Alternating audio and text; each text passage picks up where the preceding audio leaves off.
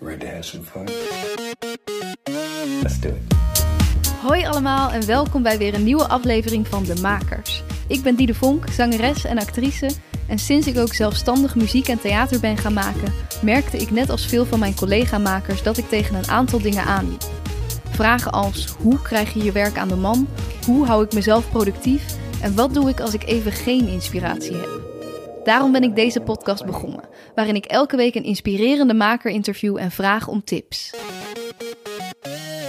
Hallo lieve allemaal, deze week geen interview en geen gast, maar wel een nieuwe solo podcast. Ja, en het rijmt ook nog eens. Na heel veel leuke en lieve reacties op de eerste, hier dus de volgende. Als je nummer 1 niet hebt geluisterd, ook helemaal niet erg. Er zit niet per se een chronologie in, maar wel, als ik dat zelf mag zeggen, ook een hele waardevolle om nog terug te gaan luisteren. Aflevering 68 was dat. Die had als centrale thema makersblok, een blokkade in je creativiteit. In deze nieuwe aflevering is het thema inspiratie en weerstand. De podcast heeft eigenlijk drie delen. In het eerste deel kijken we aan de hand van het boek Big Magic van Elizabeth Gilbert naar wat is inspiratie precies? Waarom heb je de ene keer fantastische ideeën en komt er de andere keer niks uit je vingers? In deel 2 kijken we naar The War of Art van Steven Pressfield en bespreken we waarom je soms zo uitstelt om aan de slag te gaan. Waarom is het soms al zoveel moeite om gewoon te beginnen en hoe zorg je dat je elke dag met plezier creëert? Ook leer ik je wat het verschil is tussen een amateur en een professional. Deel 3 zijn 10 oefeningen die ervoor zorgen dat je altijd inspiratie hebt. Die je altijd kunt inzetten als het even niet lukt of je het idee hebt dat er niks uit je komt. Of om je creativiteit eens vanuit een andere manier te benaderen of te verbreden. Ik hoop echt dat deze aflevering eentje wordt die je vaker terugluistert om alle tips nog even een keer terug te horen. En vooral dat je helemaal zin krijgt om aan de slag te gaan. Dus lukt het een keer niet om te creëren, onthoud dan, pak deze podcast er weer even bij. Voordat we beginnen, nog één huishoudelijke mededeling. Je kunt vanaf nu deze podcast steunen via www.petje.af slash demakerspodcast. Je krijgt er allemaal leuke filmpjes en andere extra's voor terug en het kan al vanaf een eenmalige 3 euro. Dus heb jij wel eens wat aan deze podcast gehad en wil je meehelpen om te zorgen dat de podcast kan blijven bestaan? Steun hem nu via petje.af slash demakerspodcast. Ik ben je mega dankbaar. Om je geheugen even op te frissen, vind ik het leuk om een kleine terugblik te doen op de vorige aflevering. Heb je alle opdrachten al gemaakt? Het hoofdthema was dus makersblok. De podcast was een mix van persoonlijke verhalen van mij en opdrachten om mee te doen. We hadden het over negatieve overtuigingen. Wat zeg je of denk je op een dagelijkse basis over jezelf en je werk en hoe verruil je dit voor positieve overtuigingen? Vervolgens vertelde ik welke opdracht mij heeft geholpen om over makersblok heen te komen, namelijk de Morning Pages van Julia Cameron. Elke dag drie pagina's schrijven. En er zijn dus best wel wat van jullie ook gestart met de morning pages. En ik heb er alleen nog maar enthousiaste verhalen over gehoord. Ik kreeg nog wel een paar vragen. Want ja, wat is precies drie pagina's schrijven? Moet dat per se met de hand en moet het echt het eerste zijn wat je doet ochtends? Ik heb dit ook al even op mijn Instagram gedeeld, maar wat volgens mij persoonlijk het juiste antwoord op al die vragen is: doe het vooral op een manier die voor jou vol te houden is. Volgens Julia Cameron moet het echt met de hand en dat snap ik ook, maar ik weet gewoon van mezelf dat ik er dan zo tegenop ga zien dat ik het niet doe. Dus ik doe het gewoon op mijn laptop, maar dwing mezelf om iets langzamer te typen dan ik normaal zou doen. Verder heb ik ook geen idee wat zij precies verstaat onder drie pagina's, dus ik zet altijd een wekker op 30 minuten en in die tijd kom ik zover als ik kom. Ik denk wel dat het het allerbeste is om te doen direct als je wakker wordt, zonder eerst op je telefoon te kijken en met zo min mogelijk inmenging van buitenaf. Maar nogmaals, als dat ervoor zorgt dat jij het niet doet, dan zou ik zeggen: doe het zo vroeg mogelijk, maar liever om drie uur s middags nog even dan helemaal niet. Dan hadden we nog een affirmatieopdracht en gingen we kijken naar vijanden van je creatieve eigenwaarde. Dat laatste waren die opmerkingen of gebeurtenissen die je for some reason je hele leven in je hoofd blijft horen. Zoals bij mij met die schoen in de prullenbak. Ik heb een aantal hilarische, maar ook echt hartverscheurende berichten gekregen van mensen met dit soortzelfde ervaringen. Van leraren die zeiden dat je nooit iets zou kunnen, tot familieleden of vrienden. Iedereen heeft wel zulk soort vervelende ervaringen die maar in je hoofd rond blijven spoken. Hoe ga je hiermee om? Daar gaf ik een aantal tips en opdrachten voor. Daarna gingen we kijken naar juist de positieve cheerleaders in je leven en ik sloot af met een pleidooi voor stilte. Die laatste blijf ik zelf lastig vinden. In een wereld met zoveel informatie, social media, podcast, series, vind ik het op de een of andere manier soms zo lastig om eventjes tot mezelf te keren, uit te zoeken wat er dan gebeurt. Terwijl dat eigenlijk juist meestal de geboorte is van creativiteit bij mij. Gewoon even uit het raam staren, een rondje lopen, onder de douche, s'avonds in bed, dan komen vaak de ideeën. Dat brengt ons bij het onderwerp van deze aflevering. Briljante ideeën komen natuurlijk niet zomaar altijd. En je kunt ook niet elke keer gaan zitten wachten op deze goddelijke inspiratie. Dus hoe komt een mens eigenlijk op een idee? Elizabeth Gilbert schrijft in haar boek Big Magic dat elk mens een scheppend wezen is. Iedereen is in staat om kunst te maken en elk mens is volgens haar dus maker. Dus ik had dit net zo goed de Mensenpodcast kunnen noemen. Volgens Elizabeth zijn ideeën overal in de wereld. Zweven ze, zeg maar, rond in het universum. Net als er planten en mensen en dieren wonen op deze planeet, leven er dus ook ideeën. Ideeën hebben maar één doel: om tot leven gewekt te worden. De enige manier waarop dat kan is door een menselijke partner te vinden die het idee tot uiting kan brengen. Ideeën zijn dus altijd op zoek naar beschikbare mensen. Het gaat hier trouwens om alle soorten ideeën: artistiek, wetenschappelijk, commercieel, religieus, politiek, etc. Wanneer een idee denkt iemand gevonden te hebben die het tot leven zou kunnen wekken, bijvoorbeeld jou, zal het idee je aandacht proberen te grijpen. Waarschijnlijk heb je dit niet door, omdat je zo bezig bent met je eigen leven, gedachten, verplichtingen, dat je niet ontvankelijk bent voor deze ideeën, oftewel inspiratie. Het idee zal proberen om contact met je te maken. Maar misschien ben jij net tv aan het kijken of aan het shoppen of discussies aan het uitvechten in je hoofd of gewoon over het algemeen druk bezig. John Cleese noemt dit open en gesloten modus. Een groot deel van ons leven zitten we in gesloten modus. En dat is soms ook noodzakelijk. Gesloten modus is belangrijk als je snel moet handelen, als je iets moet regelen. Maar als de actie gedaan is, vergeten we dat we weer terug naar open modus kunnen. De open modus is de modus waarin we ideeën kunnen ontvangen, openstaan voor het onverwachte, verwerken wat er daarvoor is gebeurd en feedback ontvangen. De modus voor een spontane ontmoeting of een spontane inspiratie-ingeving. Misschien blijft het idee het proberen bij je. Soms minuten, soms wel jaren, maar als jij uiteindelijk echt niet wil luisteren, vertrekt het weer. En dat is wat er in het leven van de meeste mensen gebeurt. Ze willen niet luisteren. Er komen misschien wel ideeën voorbij, maar ze zeggen nee tegen dit idee en gaan verder met hun leven. Maar soms, als jij dus open en relaxed genoeg bent om een idee te ontvangen, zal je het idee accepteren. Ik weet niet of jij dat gevoel kent, maar dat je opeens denkt: dit is het. Vaak krijg je wat kriebels in je buik, snellere hartslag, maar je weet in ieder geval zeker: hier zit iets. Hier ga ik van aan. Het idee blijft in je hoofd rondspoken. Opeens zie je in je dagelijks leven allemaal signalen die de kant op lijken te wijzen van dit idee. Op dat moment kan je ervoor kiezen om alsnog nee te zeggen tegen het idee, omdat het niet het goede moment is, het toch niet bij je past of wat dan ook. De andere optie is om een contract aan te gaan met dit idee. Je belooft het idee dat je het niet in de steek laat, maar zal samenwerken tot het beste van je kunnen tot het werk gedaan is. Vervolgens zet je in dit contract deadlines en afspraken, als teken dat je het idee serieus neemt. Je gaat er echt in investeren. Voor sommige artiesten en makers is dit contract altijd een lijdensweg. Veel drinken, jezelf saboteren, het uit de weg gaan, maar dit hoeft het niet te zijn. Vaak is dat imago van de gekwelde artiest ook maar gewoon een maskering om niet aan de slag te hoeven gaan. Het gaat om aan het werk gaan. Je bent geen slaaf van je inspiratie, je werkt ermee samen. Je sluit samen het contract. Wees nieuwsgierig, welke kanten kunnen jullie samen op? Oké, het beeld van rondzwevende ideeën klinkt misschien vaag of ja, uh, zweverig voor je. Maar kort gezegd is het dus een kwestie van vertrouwen in het feit dat nieuwe ideeën op zoek zijn naar mensen om mee samen te werken.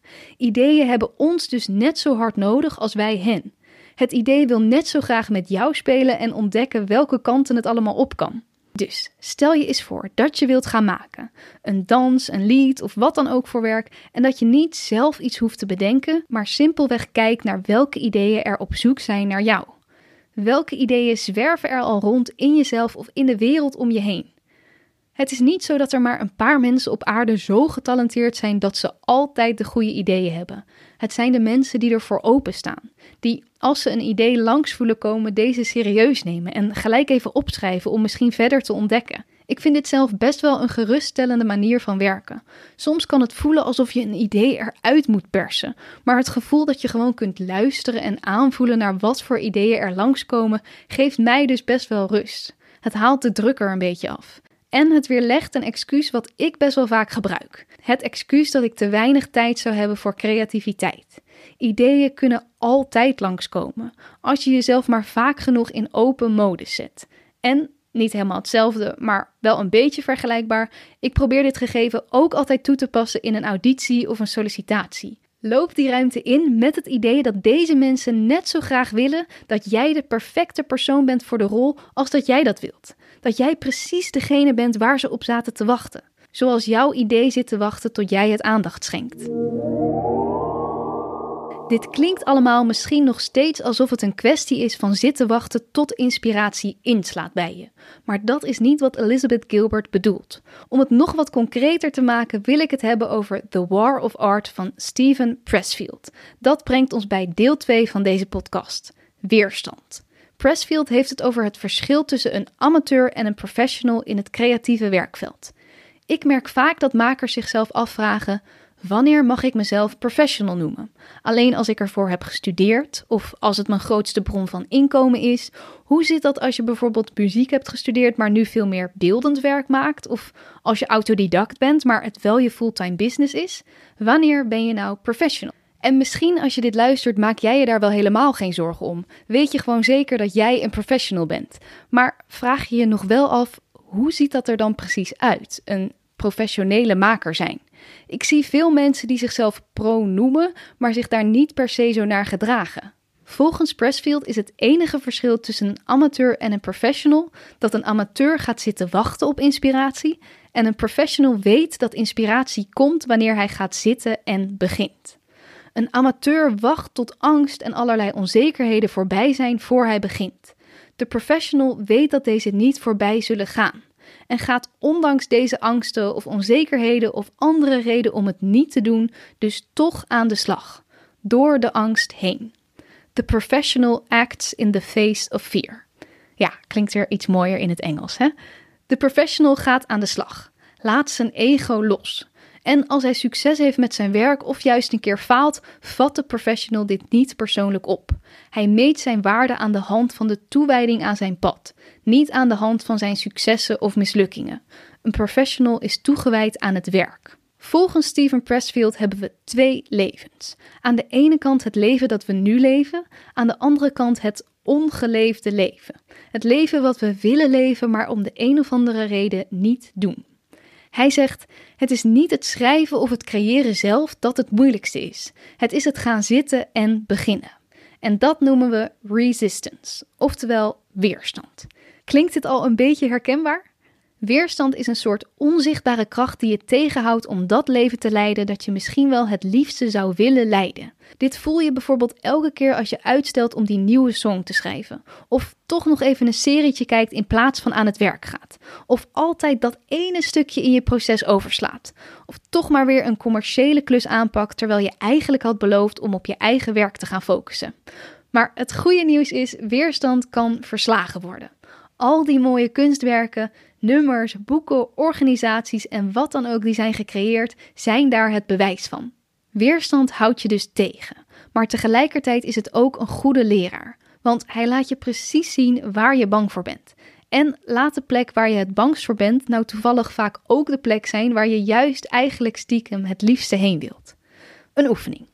De volgende keer dat je gaat zitten en aan de slag gaat, probeer dan op te merken wanneer je weerstand voelt. In welk deel van het creatieve proces? Wat zit daar?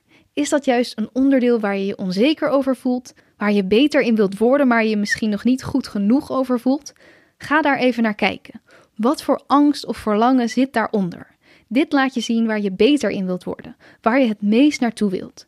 Als je je heel erg twijfelachtig voelt, dan ben je volgens Steven Pressfield juist op de goede weg.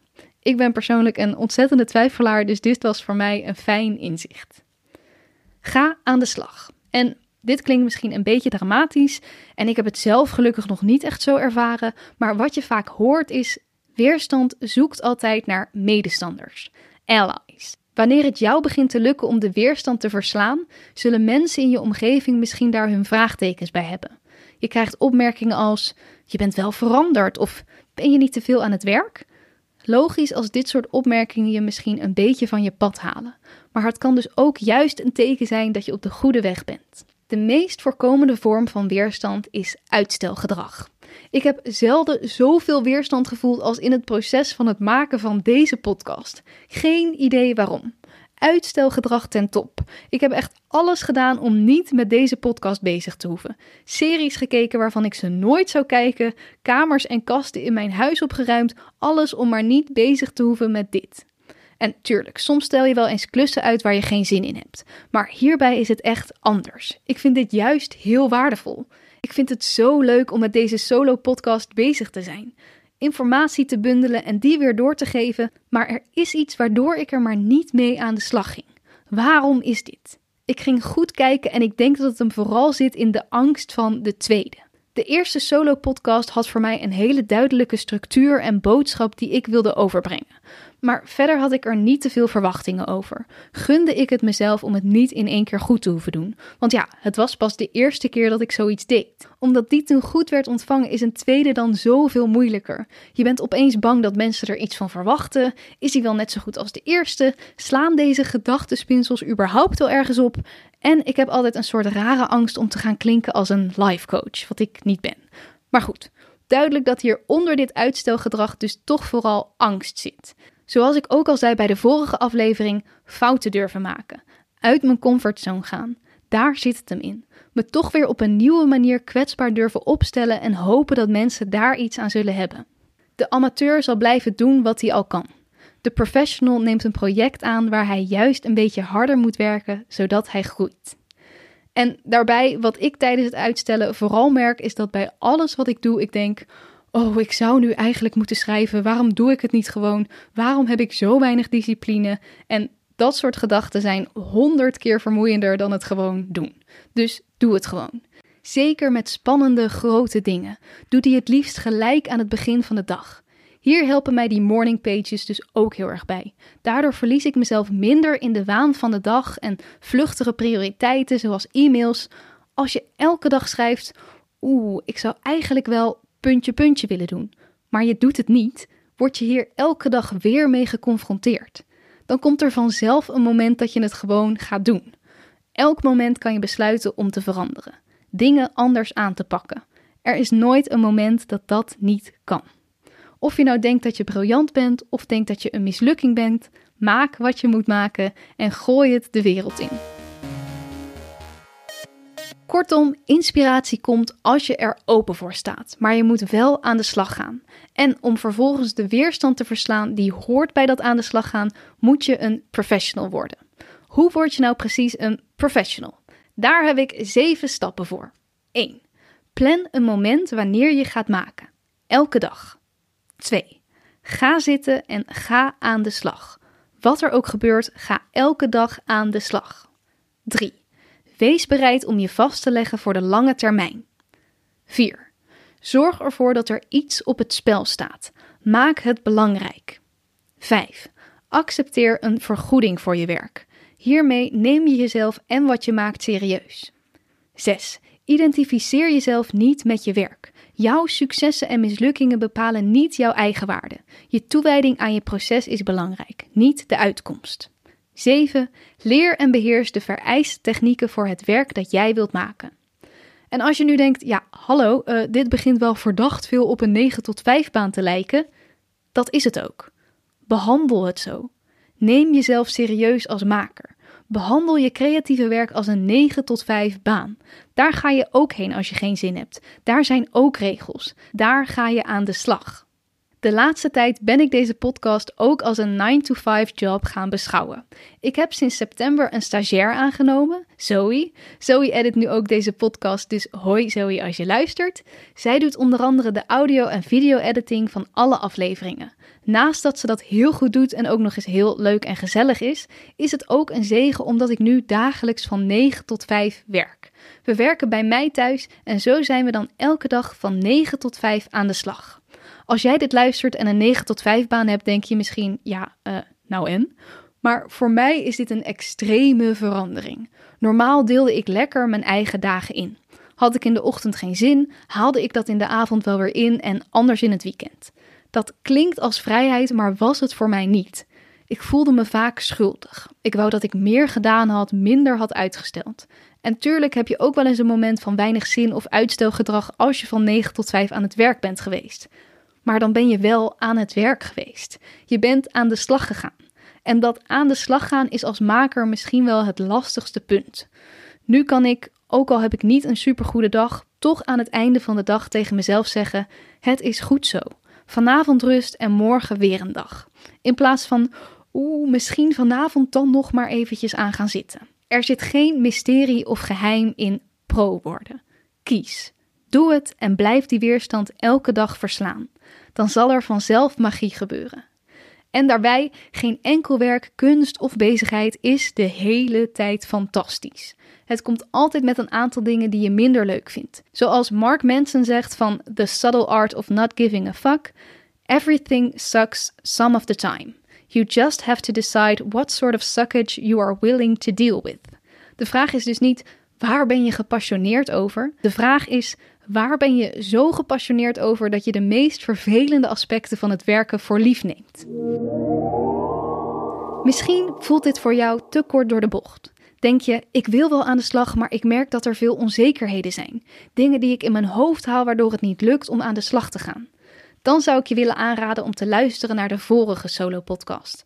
Daar hebben we het over goed luisteren naar deze stem. Te leren waar hij vandaan komt en hoe hier op een liefdevolle manier mee om te gaan. Deze tweede aflevering heeft daarom misschien een wat strengere boodschap. Begin gewoon. Blijf niet in je hoofd zitten. Ga maken. Ga jezelf uit de weg. Maak een hoop. Vaak maak je niet je meesterwerk als je van tevoren alles tot in detail hebt uitgedacht, of als je het idee al helemaal in je hoofd hebt.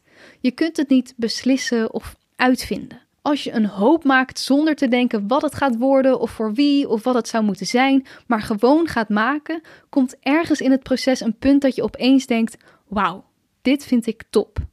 Als je niet oplet, dan gebeurt het. Dan zal het samenvallen. Herken het als dat gebeurt.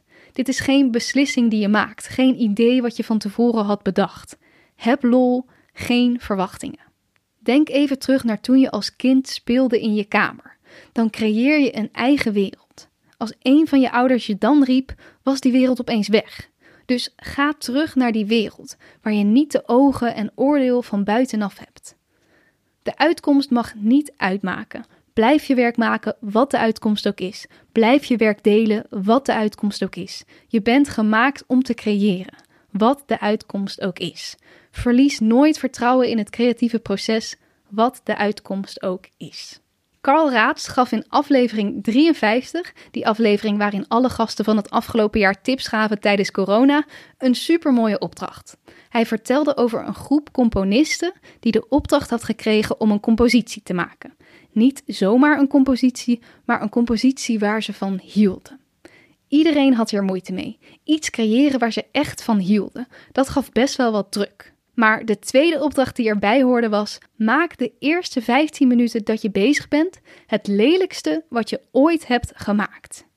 Dus ik wil heel graag dat jullie allemaal ook deze opdracht gaan toepassen. De volgende keer dat je gaat zitten en schrijven of muziek maken of tekenen of wat dan ook, maak de eerste 15 minuten dat je bezig bent het lelijkste dat je ooit hebt gemaakt. Carl vertelde dat deze componisten, na een minuut of acht bezig te zijn geweest, opeens juist mooie melodieën in hun hoofd kregen. Ze probeerden deze nog weg te drukken, want ze moesten natuurlijk iets lelijks maken, maar het was al te laat. Er was stiekem, zonder verwachtingen, iets moois gecreëerd. Want om mooie dingen te maken, dingen die ertoe doen, moet je gaan creëren. Punt. Zonder de druk van het meteen goed hoeven doen. als je iets moois wil creëren, doe dat dan niet meteen juist. In order to do something well, be willing to do it badly.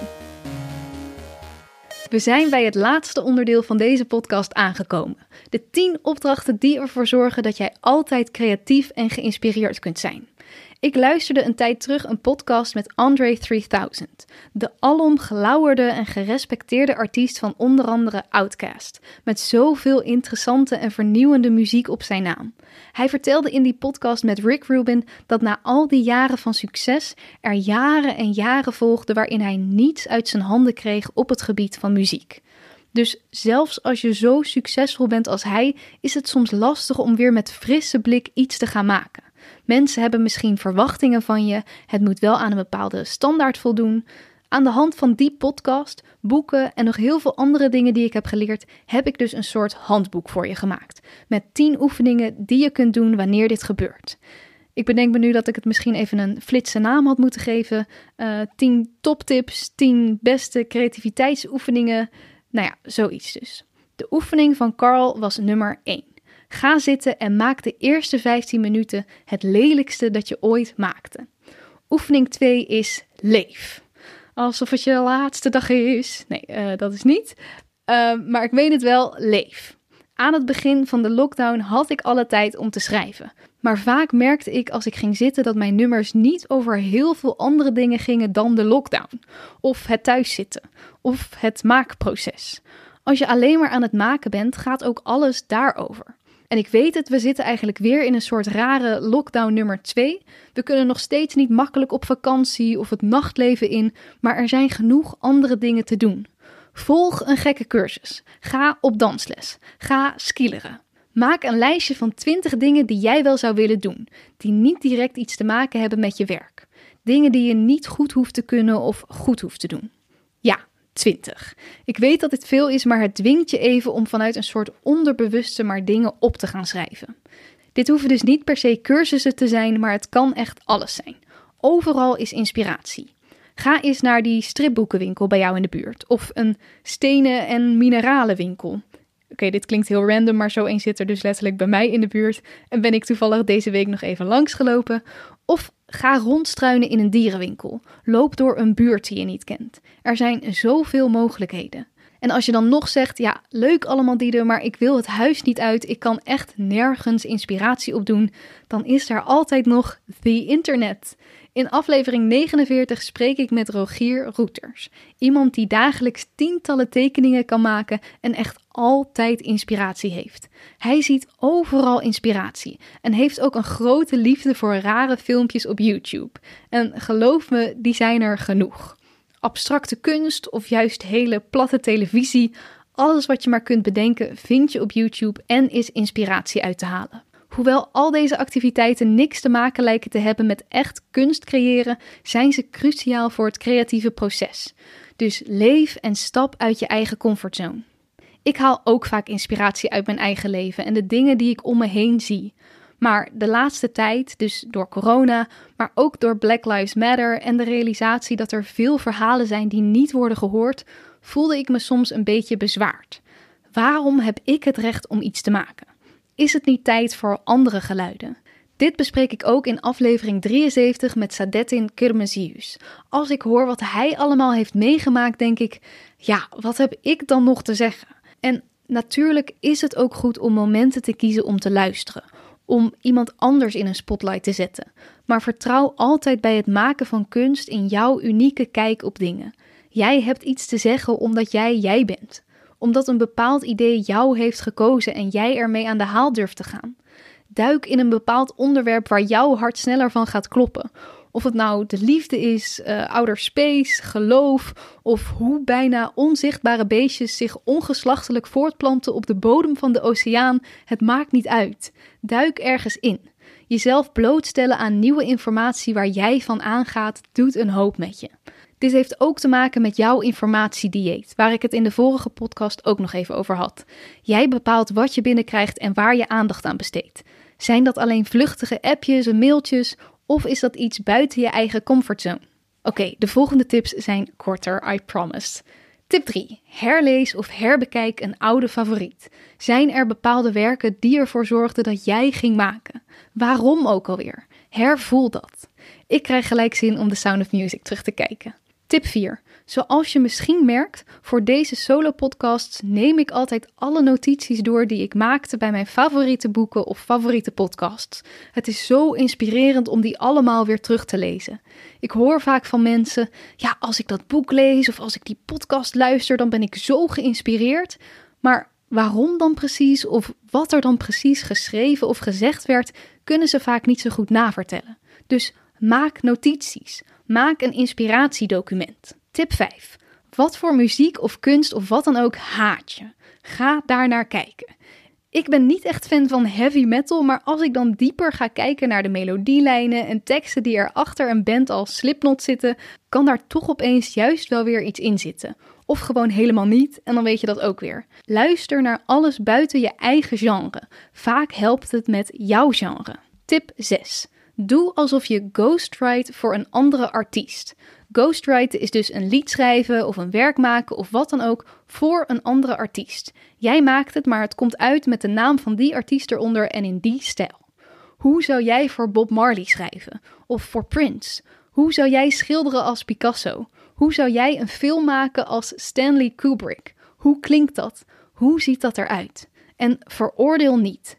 Er zit altijd een gap, een gat tussen je skills en je smaak. Je smaak ontwikkelt sneller dan je skills. Dus los van of je jezelf net zo goed vindt als Prince, ga toch eens kijken hoe is het creatieproces van deze artiest? Wat is kenmerkend aan het werk? En hoe zou ik dat kunnen doen? Tip 7. Als je niet in een productieve flow komt, laat jezelf dan even cheaten. Doe iets anders creatiefs wat niet direct met je werk te maken heeft, maar je gewoon leuk vindt. Loop een rondje.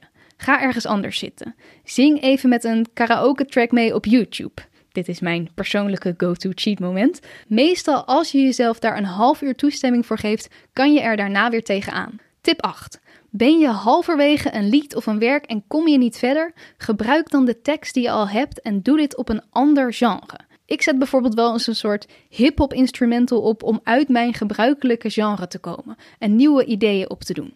Maak jij hip-hop? Doe dan eens je tekst op klassieke muziek. Doe je reggae? Maak er eens jazz van. Tip 9. Journaling is een soort opwarming voor het creatieve proces. Schrijf voordat je begint 15 minuten lang aan één stuk door, zonder je pen van het papier te halen, voordat je begint met maken. Tip 10. Breng jezelf in the mood door een andere creatieve vorm dan jouw werk. Zet bijvoorbeeld een liedje aan met de vibe van hoe jij wilt dat jouw tekening eruit gaat zien. Of bekijk een schilderij met de sfeer van jouw nieuwe boek of nummer. Uh, tip 11. Oeps, het zijn er per ongeluk 11. Stop en doe ademhalingsoefeningen. Adem drie tellen in, drie tellen uit. Herhaal dit zes keer. Vraag jezelf af: ben ik nu in open of gesloten modus? Oké allemaal, dat was hem. Hij wordt toch elke keer weer langer dan ik van tevoren verwacht omdat ik zoveel wil delen. Daarom ben ik benieuwd. Is deze vorm fijn of heb je liever twee korte podcasts van 15 minuten? Een deel 1 en 2 of zoiets, om de boog wat helderder te houden.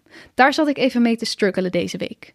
We hebben het gehad over inspiratie. Wat is het en hoe kan je daar op een andere manier naar kijken? We hadden het over ideeën, hoe deze jou net zo hard nodig hebt als jij hen. Over weerstand verslaan en aan de slag gaan, professional worden en over 10 opdrachten die je kunt doen als je even geen inspiratie hebt. Ik hoor weer heel graag wat je ervan vond. Het was weer een berg informatie, dus laat het rustig op je inwerken. Lees je notities nog eens terug en luister hem gewoon nog een keertje.